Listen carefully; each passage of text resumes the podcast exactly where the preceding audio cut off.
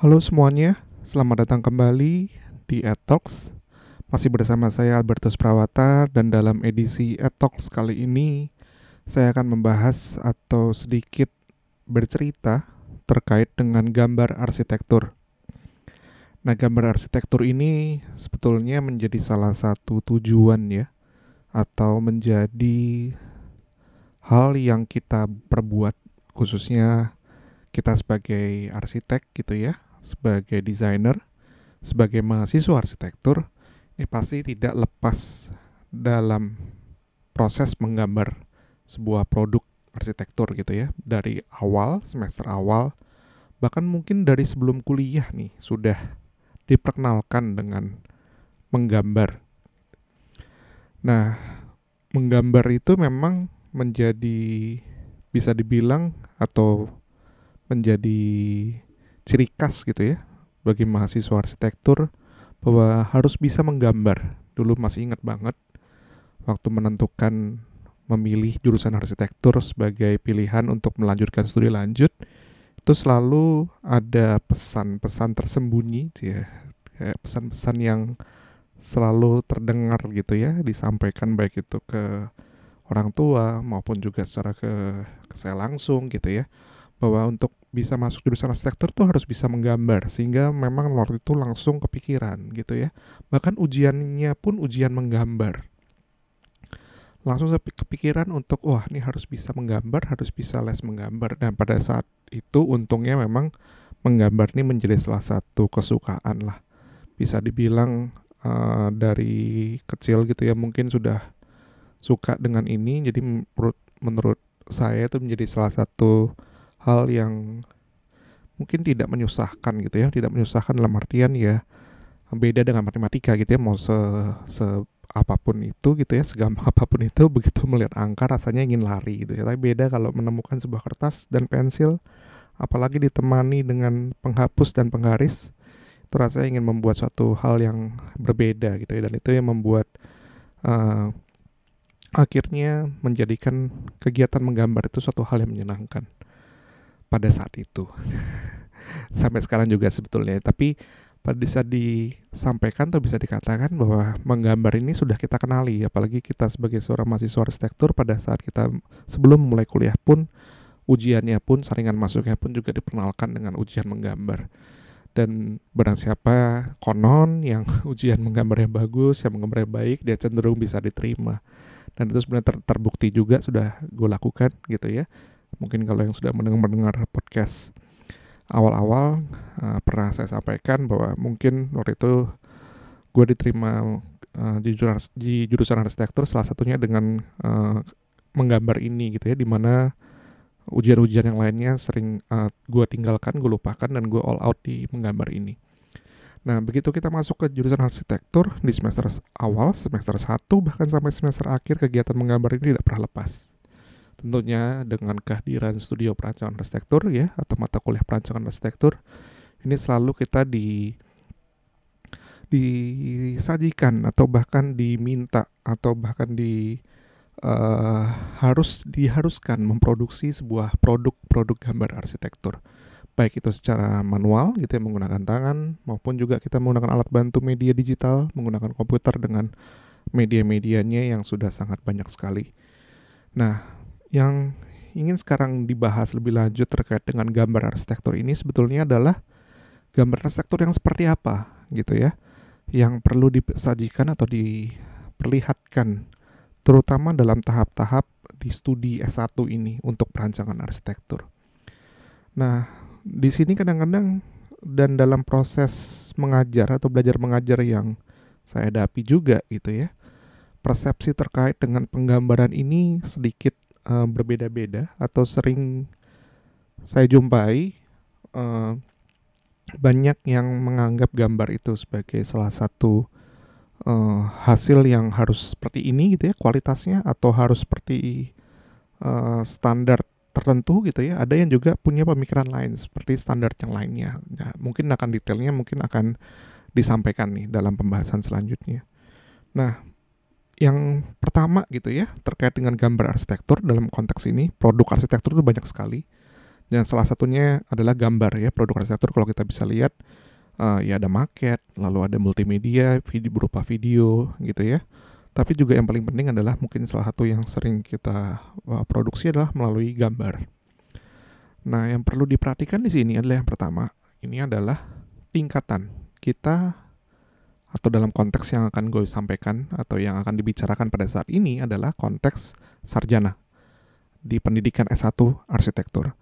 Nah, pendidikan S1 arsitektur ini memang uh, secara pandangan gue pribadi memang punya distance yang cukup jauh dalam konteks uh, praktek ya sebagai seorang profesi karena memang uh, di settingnya uh, sarjana itu hanya empat tahun gitu ya sedangkan menurut saya juga nggak nggak nggak nggak ideal gitu ya. Begitu lulus empat tahun langsung bisa jago segala-galanya lalu bisa jadi seorang arsitek. Dan karena memang prosesnya tidak seperti itu karena memang harusnya ada proses uh, apa studi lanjutnya lalu ada proses magangnya lalu bisa uh, mengambil um, tes gitu ya lalu bisa dinyatakan eligible dan menyandang punya surat keahlian arsitek. Jadi prosesnya seperti itu. Nah jadi memang dalam konteks empat tahun ini sebetulnya memang apakah yang harus out, uh, outcome gitu ya yang harus dihasilkan oleh universitas bagi seorang sarjananya atau mahasiswa-mahasiswanya itu menjadi suatu tantangan tersendiri sebetulnya untuk bisa mempersiapkan ke dunia kerja. Dan sebetulnya tidak bisa disalahkan juga pada saat di dunia kerja ini mahasiswa ini memang masih cenderung mentah gitu ya karena memang ya eh, empat tahun ini akan cukup sulit gitu ya untuk bisa mempersiapkan untuk siap kerja langsung di medan atau di field arsitektur yang memang banyak sekali aspek-aspeknya. Tapi mungkin nanti itu ada hubungan atau pembahasan lebih lanjut di di podcast-podcast selanjutnya. Tapi mungkin dalam konteks ini yang ingin uh, disampaikan adalah aspek produk arsitektur gambar ini di S1 itu seperti apa. Mungkin yang perlu saya sampaikan di sini, S1 ini adalah tentu saja prosesnya adalah untuk bisa mempersiapkan teman-teman mahasiswa ini punya pemahaman terkait dengan konsep tentunya. Nah, itu ini yang saya garis bawahi yang penting. Berbeda dengan mungkin kalau kita mengambil pendidikan misalnya D3 yang memang dipersiapkan untuk bisa lebih uh, bisa dibilang berpraktek enggak tapi bisa lebih skill untuk technicality-nya mungkin bisa bisa di bisa digali lebih dalam sebagai sebagai contoh adalah artinya aspek konsep untuk di S1 tentu saja ini harus harus yang menjadi garis bawahnya yang akan sangat berbeda dengan mungkin teman-teman ataupun jenjang pendidikan yang D3 yang lebih mempersiapkan kepada skill technicality. Jadi ini mungkin satu hal yang harus digaris bawahi pertama kali.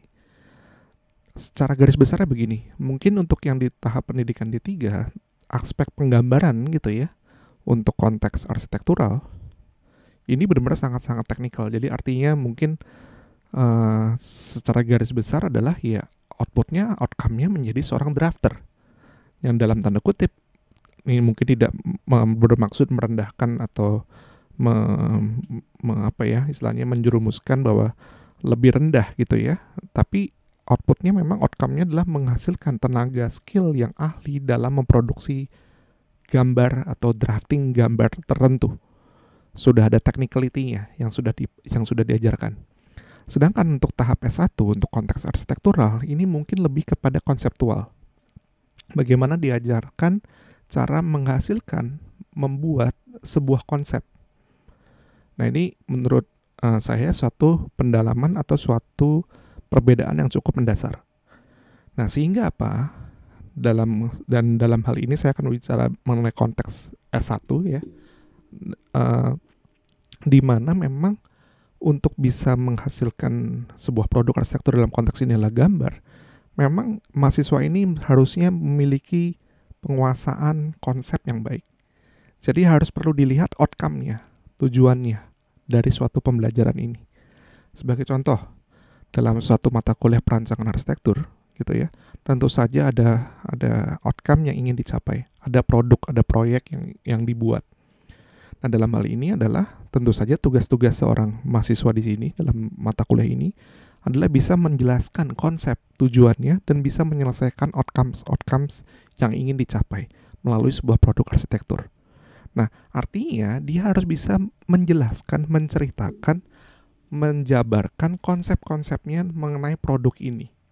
Ya, produk atau proyek ini yang tentu saja memiliki outcomes outcomes atau learning outcomes yang sudah di ingin dicapai. Nah, uh, teman-teman dari mahasiswa arsitektur ini tentu saja harus bisa mempresentasikannya melalui produk-produk arsitektural. Salah satunya adalah gambar.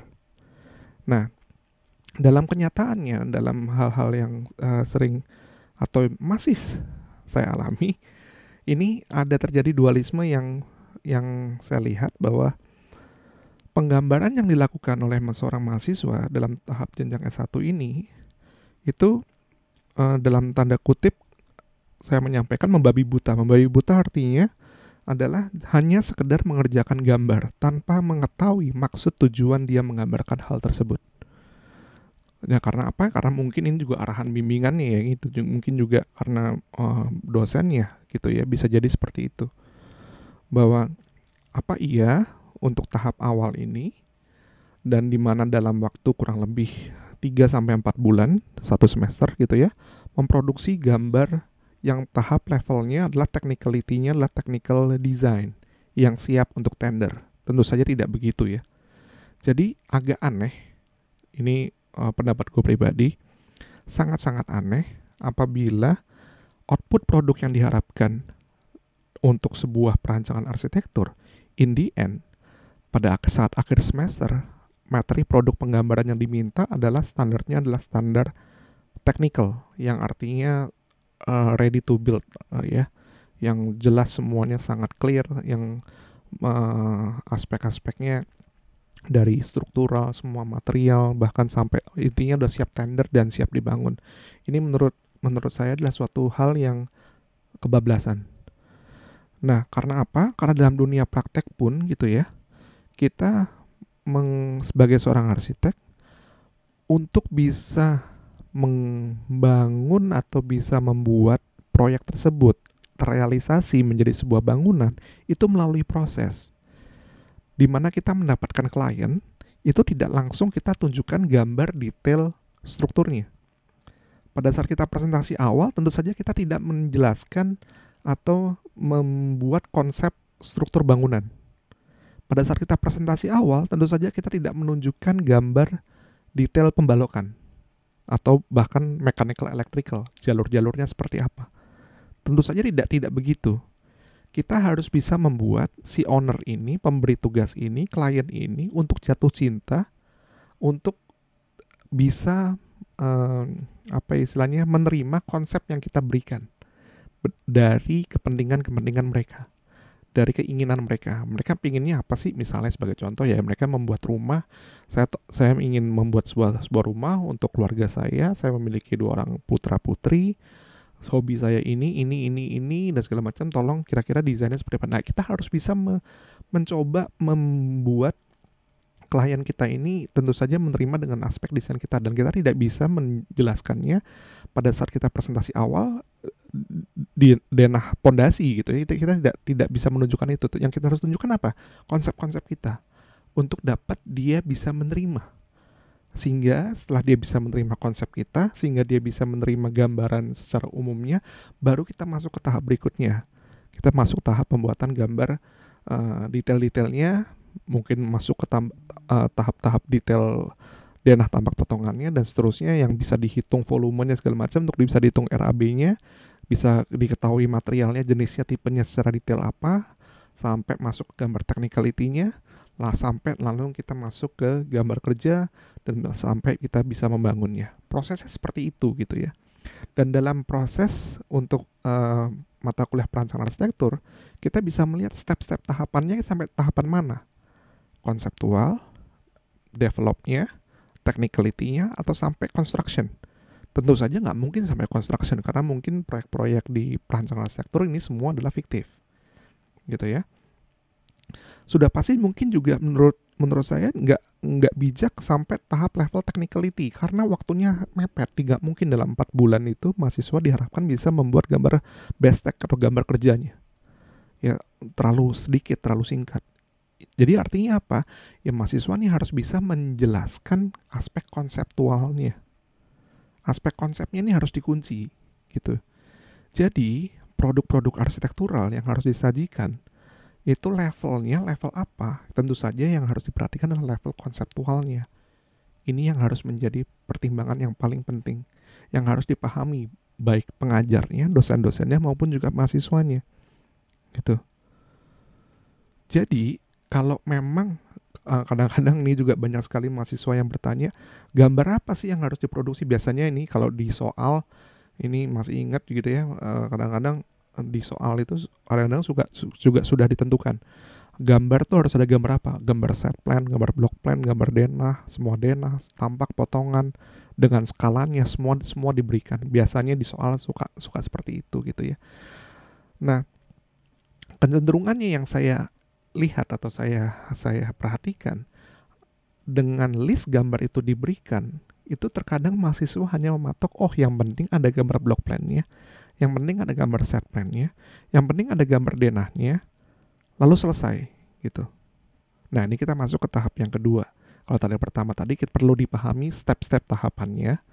Kita sampai mana sih untuk tahap S1 ini? Dan menurut saya kita pastikan S1 ini tahapnya adalah desain konsep.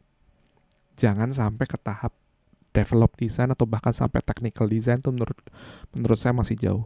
Kita perlu pahami dulu konsepnya adalah sampai tahap desain konsep. Nah, masukkan tahap ke yang uh, aspek yang kedua yang ingin gue bahas terkait dengan gambar arsitektur gitu ya. Nah, pemahaman terkait dengan gambar desain konsep ini tentu saja adalah untuk bisa membuat si klien atau owner ini jatuh cinta dengan produk kita.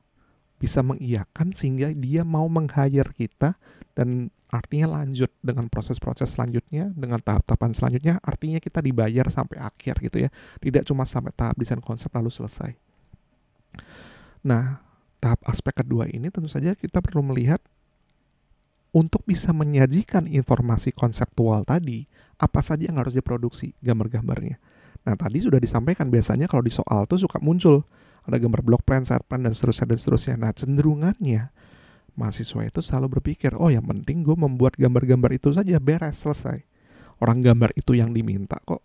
Gambar itu yang apa harus ada, ya gue buat aja ya jadi gitu gambar itu. Nah pertanyaan saya adalah apabila Anda membuat block plan, set plan, denah, tampak potongan dan segala macamnya, informasi atau konsep atau aspek-aspek yang ingin dicapai, outcomes-outcomes dari perancangan yang Anda buat, itu bisa tercapai atau tidak? Pertanyaannya adalah itu. Kalau tidak, pertanyaannya adalah kenapa Anda harus membuat gambar itu?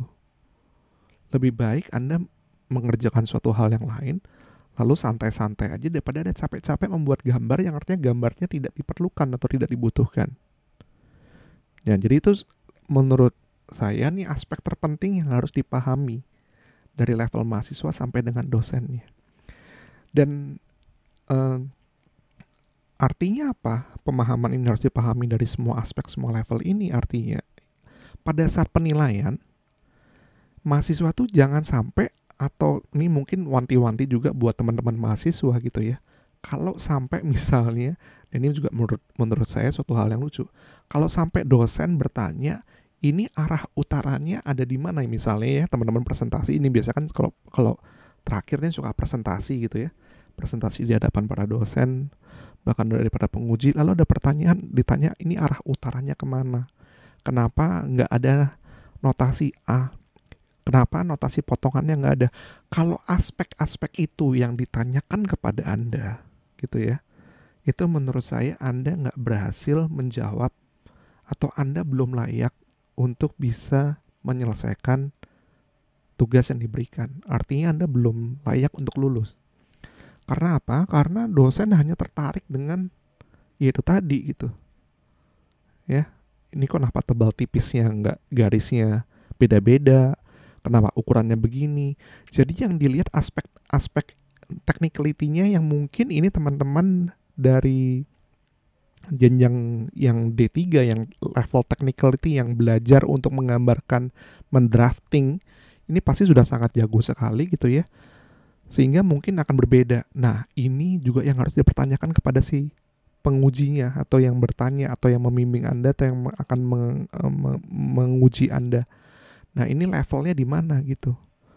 Apakah jangan-jangan si dosen ini mengujinya harus menguji di level technicality ke mahasiswa-mahasiswa atau ke jurusan yang di D3 tadi yang aspek technicality-nya harus menjadi prioritas yang utama bukan konseptualnya. Berarti semua notasi ada semua notasi lengkap dan segala macam segala macamnya.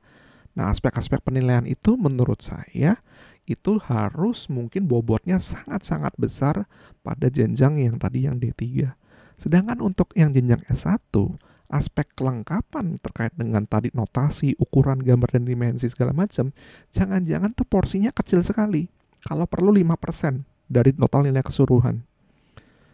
95%-nya apa? Bisa nggak mahasiswa ini menjelaskan konsep dari perancangannya? Bisa nggak mahasiswa ini memecahkan outcomes-outcomes atau tujuan dari perancangannya? Itu yang harus besar. Dan menurut saya pribadi, kalau Anda bisa menghasilkan hanya dari satu gambar saja, misalnya perspektif potongan. Ya, Anda membuat satu perspektif potongan bangunan Anda misalnya sebuah rumah tinggal, Anda buat satu gambar perspektif potongannya gitu ya. Dari satu gambar tersebut Anda bisa menjelaskan semua aspek eh, perancangan atau aspek tujuannya. Menurut saya Anda juga sudah berhasil. Kalau Anda bisa, sebagai contoh, diminta outcomes-nya salah satunya adalah mengoptimalisasikan pencahayaan alami. Dari perspektif potongan itu, Anda bisa membuat satu potongan yang menunjukkan bagaimana cahaya matahari bisa memberikan kualitas penerangan pada bangunan Anda, pada ruang-ruang di bangunan Anda. Misalnya seperti itu, Anda berikan gelap, Anda berikan gelap terangnya, jatuhnya matahari seperti apa dan seterusnya dari satu gambar tersebut ternyata ada satu ada outcomes lainnya adalah untuk bisa menunjukkan intensitas atau intensitas bangunan. Artinya sesuai dengan GSB sesuai dengan peraturan bangunan ketinggiannya KDB-nya misalnya KLB-nya Anda bisa menjelaskan dari gambar potongan tersebut ya potongan perspektif lagi ini ya. Bisa nggak? Oh ternyata bisa saya juga nggak tahu gimana caranya ya. Mungkin aja mungkin aja bisa. Tapi uh, agak sulit sih untuk bisa menjelaskan aspek tersebut gitu ya. Seperti apa gitu bisa menjelaskannya. Kalau bisa ya berarti sudah dapat tuh nilai 100 gitu. lalu ada outcomes apa lagi? Oh ternyata ada ada outcomes terkait dengan bagaimana bisa me, istilahnya apa ya membuat ruang yang sifatnya multifunction dalam suatu ruang tersebut, dalam satu rumah tersebut. Ruang yang bisa berfungsi sebagai ruang keluarga, tapi juga bisa jadi sebagai ruang untuk bermain misalnya. Eh, nggak uh, tahu gimana ya, misalnya seperti itu. Ditunjukkan tuh dalam perspektif potongan tersebut. Caranya gimana? Oh, gitu misalnya, gitu ya. Oh ternyata bisa sanggup. Ya sudah, berarti bisa menjawab gitu. Nah, kalau bisa seperti itu ya, Anda akan mendapatkan nilai 100 jadi pertanyaan yang harus disampaikan di sini adalah untuk apa sih Anda menggambarkan block plan? Untuk apa Anda menggambarkan set plan? Untuk apa Anda menggambarkan denah-denah? Untuk apa Anda menggambarkan tampak? Untuk apa menggambarkan potongan? Itu yang Anda harus pahami dulu. Saya gambar ini untuk apa ya? Saya mau menjelaskan apa gitu. Saya mau menampilkan apa dalam informasi gambar ini? Itu yang harus dipahami gitu ya. Dan tentu saja, tentu saja nih makanya yang perlu garis bawahi untuk bisa menyajikan informasi tersebut baik kualitas dan kuantitas gambar pasti akan berpengaruh ya masalah tebal tipis garis, arah utara, dimensi, notasi, ya itu semua pasti harus secara otomatis ya harus bisa diinformasikan gitu. Karena anda juga ini mungkin masuk ke aspek yang berikutnya nanti ya, aspek yang tiga dan mungkin aspek yang terakhir gitu ya. Nah, kita masuk masih aspek yang kedua dulu. informasi informasi-informasi tersebut akan bersuara kepada penguji Anda, kepada pelihat yang akan melihat Anda. Itu penting. Gitu ya. Jadi sekali lagi uh, menurut saya ya tentu saja dengan yang satu hal yang harus perlu digarisbawahi juga sebetulnya ini adalah ini uh, apa iya pertanyaannya wah kalau gitu bisa ya kita membuat satu gambar saja lalu bisa menjawab semuanya gitu ya. Ya silahkan aja kalau bisa tapi saya juga akan menyaksikan kayaknya nggak akan mungkin gitu satu gambar bisa menginformasikan semuanya. Informasi mengenai struktur gimana misalnya? Tadi udah informasi mengenai objektif terkait dengan daylighting pencahayaan alami pengudaraan bisa nggak? Pengudaraan alami misalnya.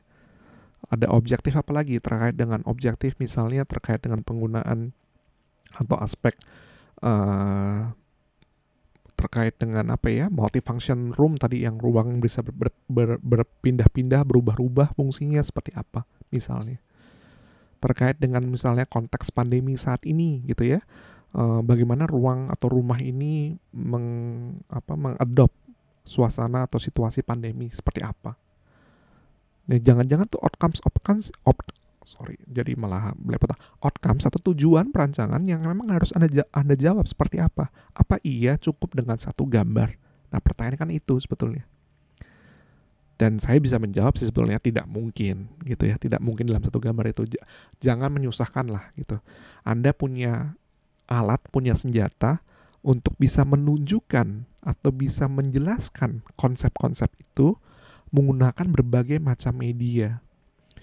Jadi bisa saja ada yang bisa ditunjukkan melalui gambar, ada yang bisa ditunjukkan melalui maket, ada yang bisa ditunjukkan melalui video atau apa gitu ya.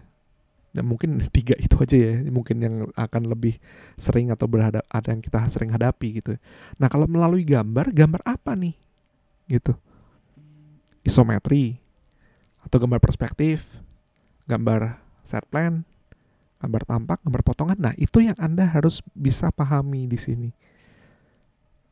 Kalau kita menunjukkan terkait dengan pencahayaan masuk ke dalam ruangan gitu ya, ke dalam misalnya ada salah satu keunggulan desain Anda bahwa ini uh, ruang keluarganya tidak membutuhkan pencahayaan uh, pencahayaan apa namanya? pencahayaan buatan pada saat siang hari. Bagaimana Anda menunjukkan itu atau menjelaskan konsep itu melalui produk arsitektur, melalui gambar bisa nggak? Bisa banget gitu ya. Anda membuat bagaimana pencahayaan dalam uh, apa namanya studi atau dalam dalam desain Anda itu dari jam 6 pagi, 7 pagi sampai mungkin jam 5 sore atau bahkan sampai jam 6 sore, 12 jam seperti apa. Berarti ada 12 image gitu ya, 12 gambar.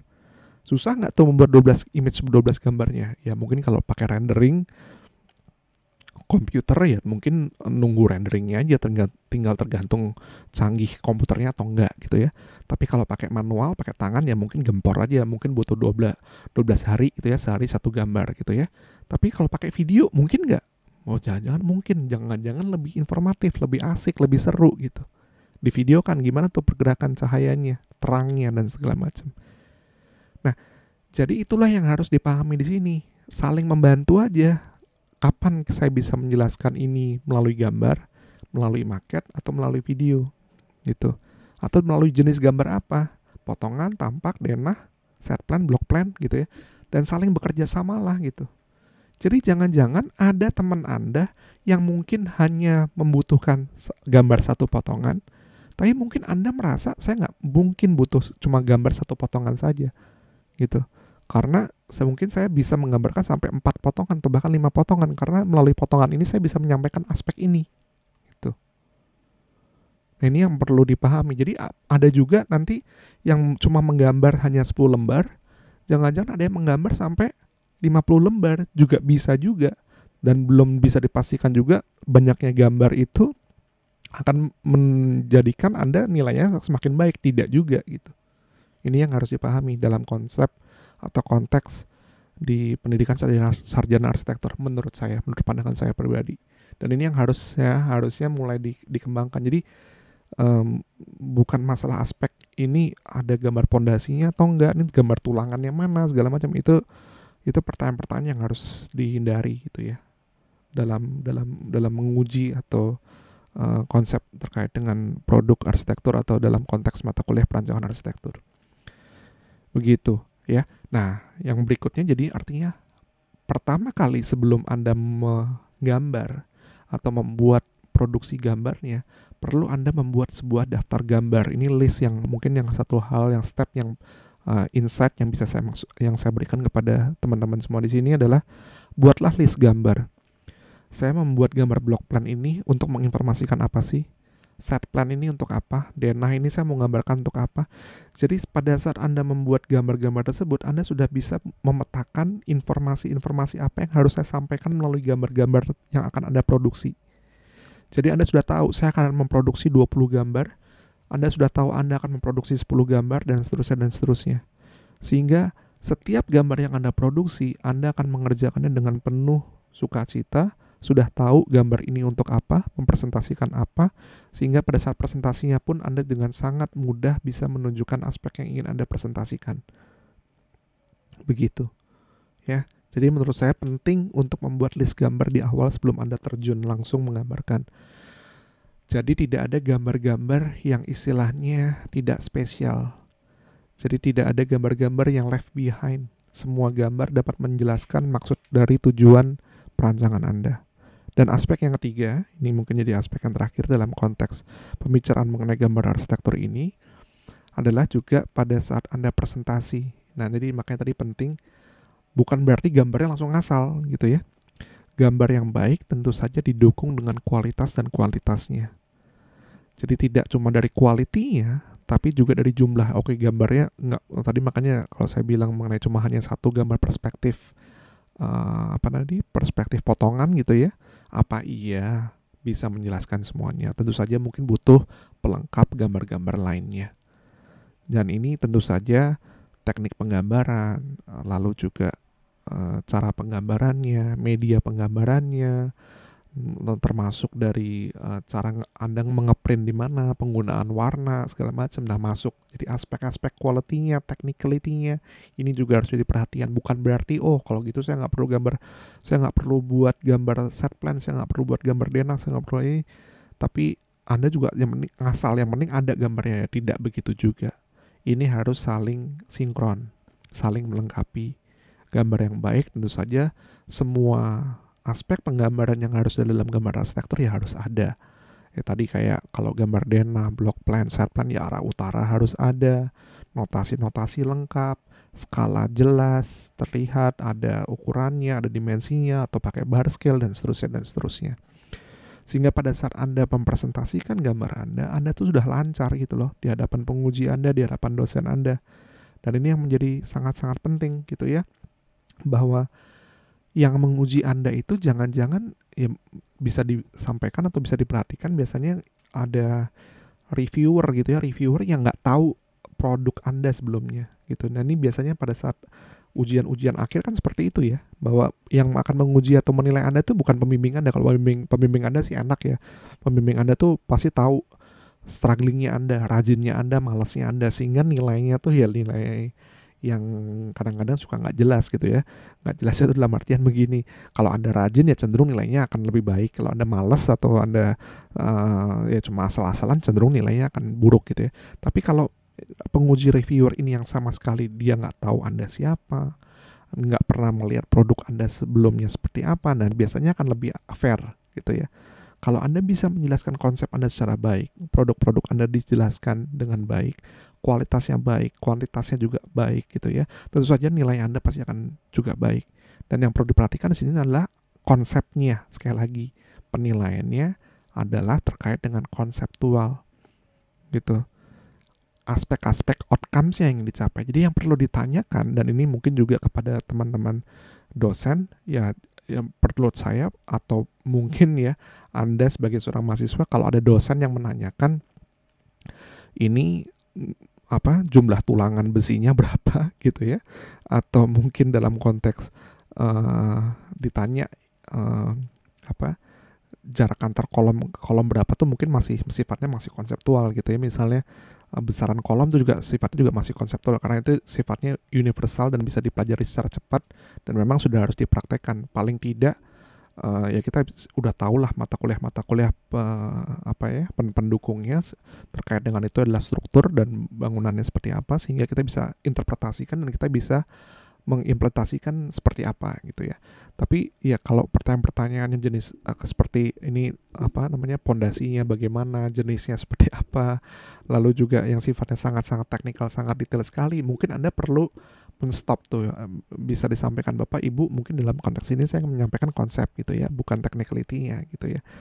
Nah, itu juga mungkin jadi jadi uh, jadi cerminan juga buat Anda jangan-jangan gitu ya untuk teman-teman mahasiswa apabila Bapak Ibu dosen Anda menanyakan seperti itu atau penguji Anda menanyakan seperti itu jangan-jangan Anda juga tidak bisa menyampaikan konsepnya dengan baik sehingga dicari pertanyaan-pertanyaan yang enggak-enggak gitu dicari kesalahan-kesalahan ya penguji kan suka gitu nyarinya kesalahan-kesalahan aja intinya gitu ya nah tapi biasanya kalau saya kalau memang tidak ada yang ditanyakan tidak ada tidak ada yang disampaikan dan memang konsepnya nggak jelas ya sebetulnya itu memudahkan buat saya untuk menilai. Artinya tidak perlu dinilai gitu. Tidak ada nilainya aja selesai. Nggak perlu sampai memperlama gitu ya proses penilaian.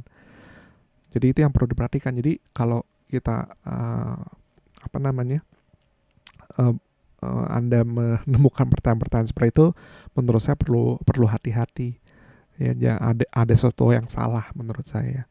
Jadi makanya di sini adalah tantangan buat anda untuk bisa mempresentasikan produk anda produk arsitektur dalam konteks ini gambar untuk bisa menjelaskan ini dengan sejelas-jelasnya dengan sedetail-detailnya maksud atau konsepnya kepada penguji yang tadi saya sampaikan. Mungkin belum pernah ketemu anda belum pernah mengetahui produk anda sebelumnya seperti apa. Gitu. Jadi tantangannya di sini jadi pada saat dia melihat produk Anda dan Anda menjelaskan baik secara grafis maupun juga secara secara lisan gitu ya, uh, secara cepat bisa bisa dipahami. Atau bahkan kalau perlu ini yang harus Anda perhatikan di sini atau Anda bisa tes gitu ya. Coba uh, paham nggak nih si Bapak Ibu dosen Anda kalau Anda tidak tidak cerita gitu ya, gambarnya dipajang dipresentasikan. Kalau sudah paham rasanya itu menjadi satu nilai lebih buat Anda. Ya, jadi itu suatu hal yang harus diperhatikan secara baik-baik aspek-aspeknya. Dan menurut saya dalam uh, pembicaraan atau podcast kali ini ada tiga hal yang menurut saya juga perlu digarisbawahi terkait dengan produk gambar arsitektural. Yaitu pertama adalah kita lihat tingkatannya. Dalam tingkatan konteks kali ini adalah sarjana S1 arsitektur yaitu terkait dengan konsep desain. Kita harus melihat produk gambar yang harus dihasilkan. Aspek aspek yang perlu diperhatikan adalah aspek konseptual.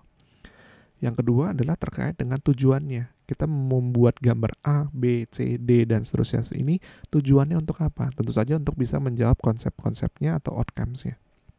Dan yang ketiga adalah tentu saja kita harus bisa mempresentasikan ini kepada penguji, kepada pembaca, kepada dalam konteks ini adalah baik pengu itu adalah dosen-dosen Anda atau bahkan dalam konteks profesional bisa aja ke ke klien Anda, bisa jadi klien Anda itu bisa jadi om, tante, keluarga dan seterusnya, bisa paham nggak dia dengan konsepnya karena tentu saja dia harus di awal dia harus bisa memahami konsep yang Anda tawarkan, bukan mengen, uh, bukan terkait dengan besi apa yang atau tulangan berapa yang Anda pakai. Itu yang perlu diperhatikan pertama kali.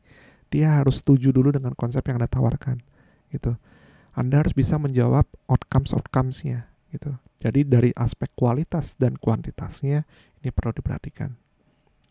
Ya, jadi kurang lebih begitu uh, pembicaraan terkait dengan gambar arsitektur ini yang menurut saya perlu menjadi atau masih menjadi perdebatan mungkin di universitas-universitas atau bahkan di sekolah-sekolah arsitektur kita tapi menurut saya inilah yang jadi menjadi salah satu uh, perbedaan mendasar yang perlu digarisbawahi bahwa tingkatan-tingkatan atau aspek-aspek pembelajaran pada level-level tertentu ini perlu dipahami terlebih dahulu gitu. Yang dalam konteks ini kita melihat dalam konteks sarjana S1 arsitektur yang akan berbeda juga nanti kalau kita melihat dalam konteks sarjana uh, atau bahkan mungkin bu, sorry bukan sarjana dalam level mungkin master degree gitu ya S2 gitu ya. Tentu saja akan sangat berbeda dengan yang pemahaman untuk yang tadi yang sudah disebutkan sebelumnya kalau di D3 seperti apa. Aspek-aspek yang harus dinilai pasti akan berbeda-beda aspek-aspek tersebut.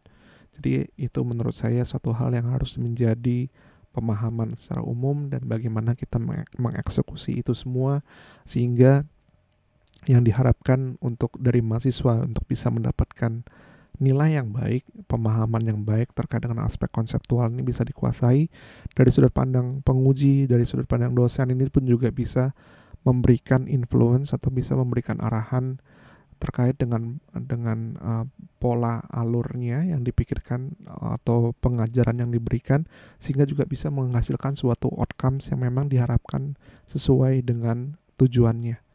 Rasanya itu yang menjadi sangat penting dan harus menjadi uh, kesepakatan uh, yang harus dipahami bersama dari semua aspek atau seluruh level uh, dosen, mahasiswa, dan juga mungkin koordinator dari um, studionya perancangan ini secara khusus.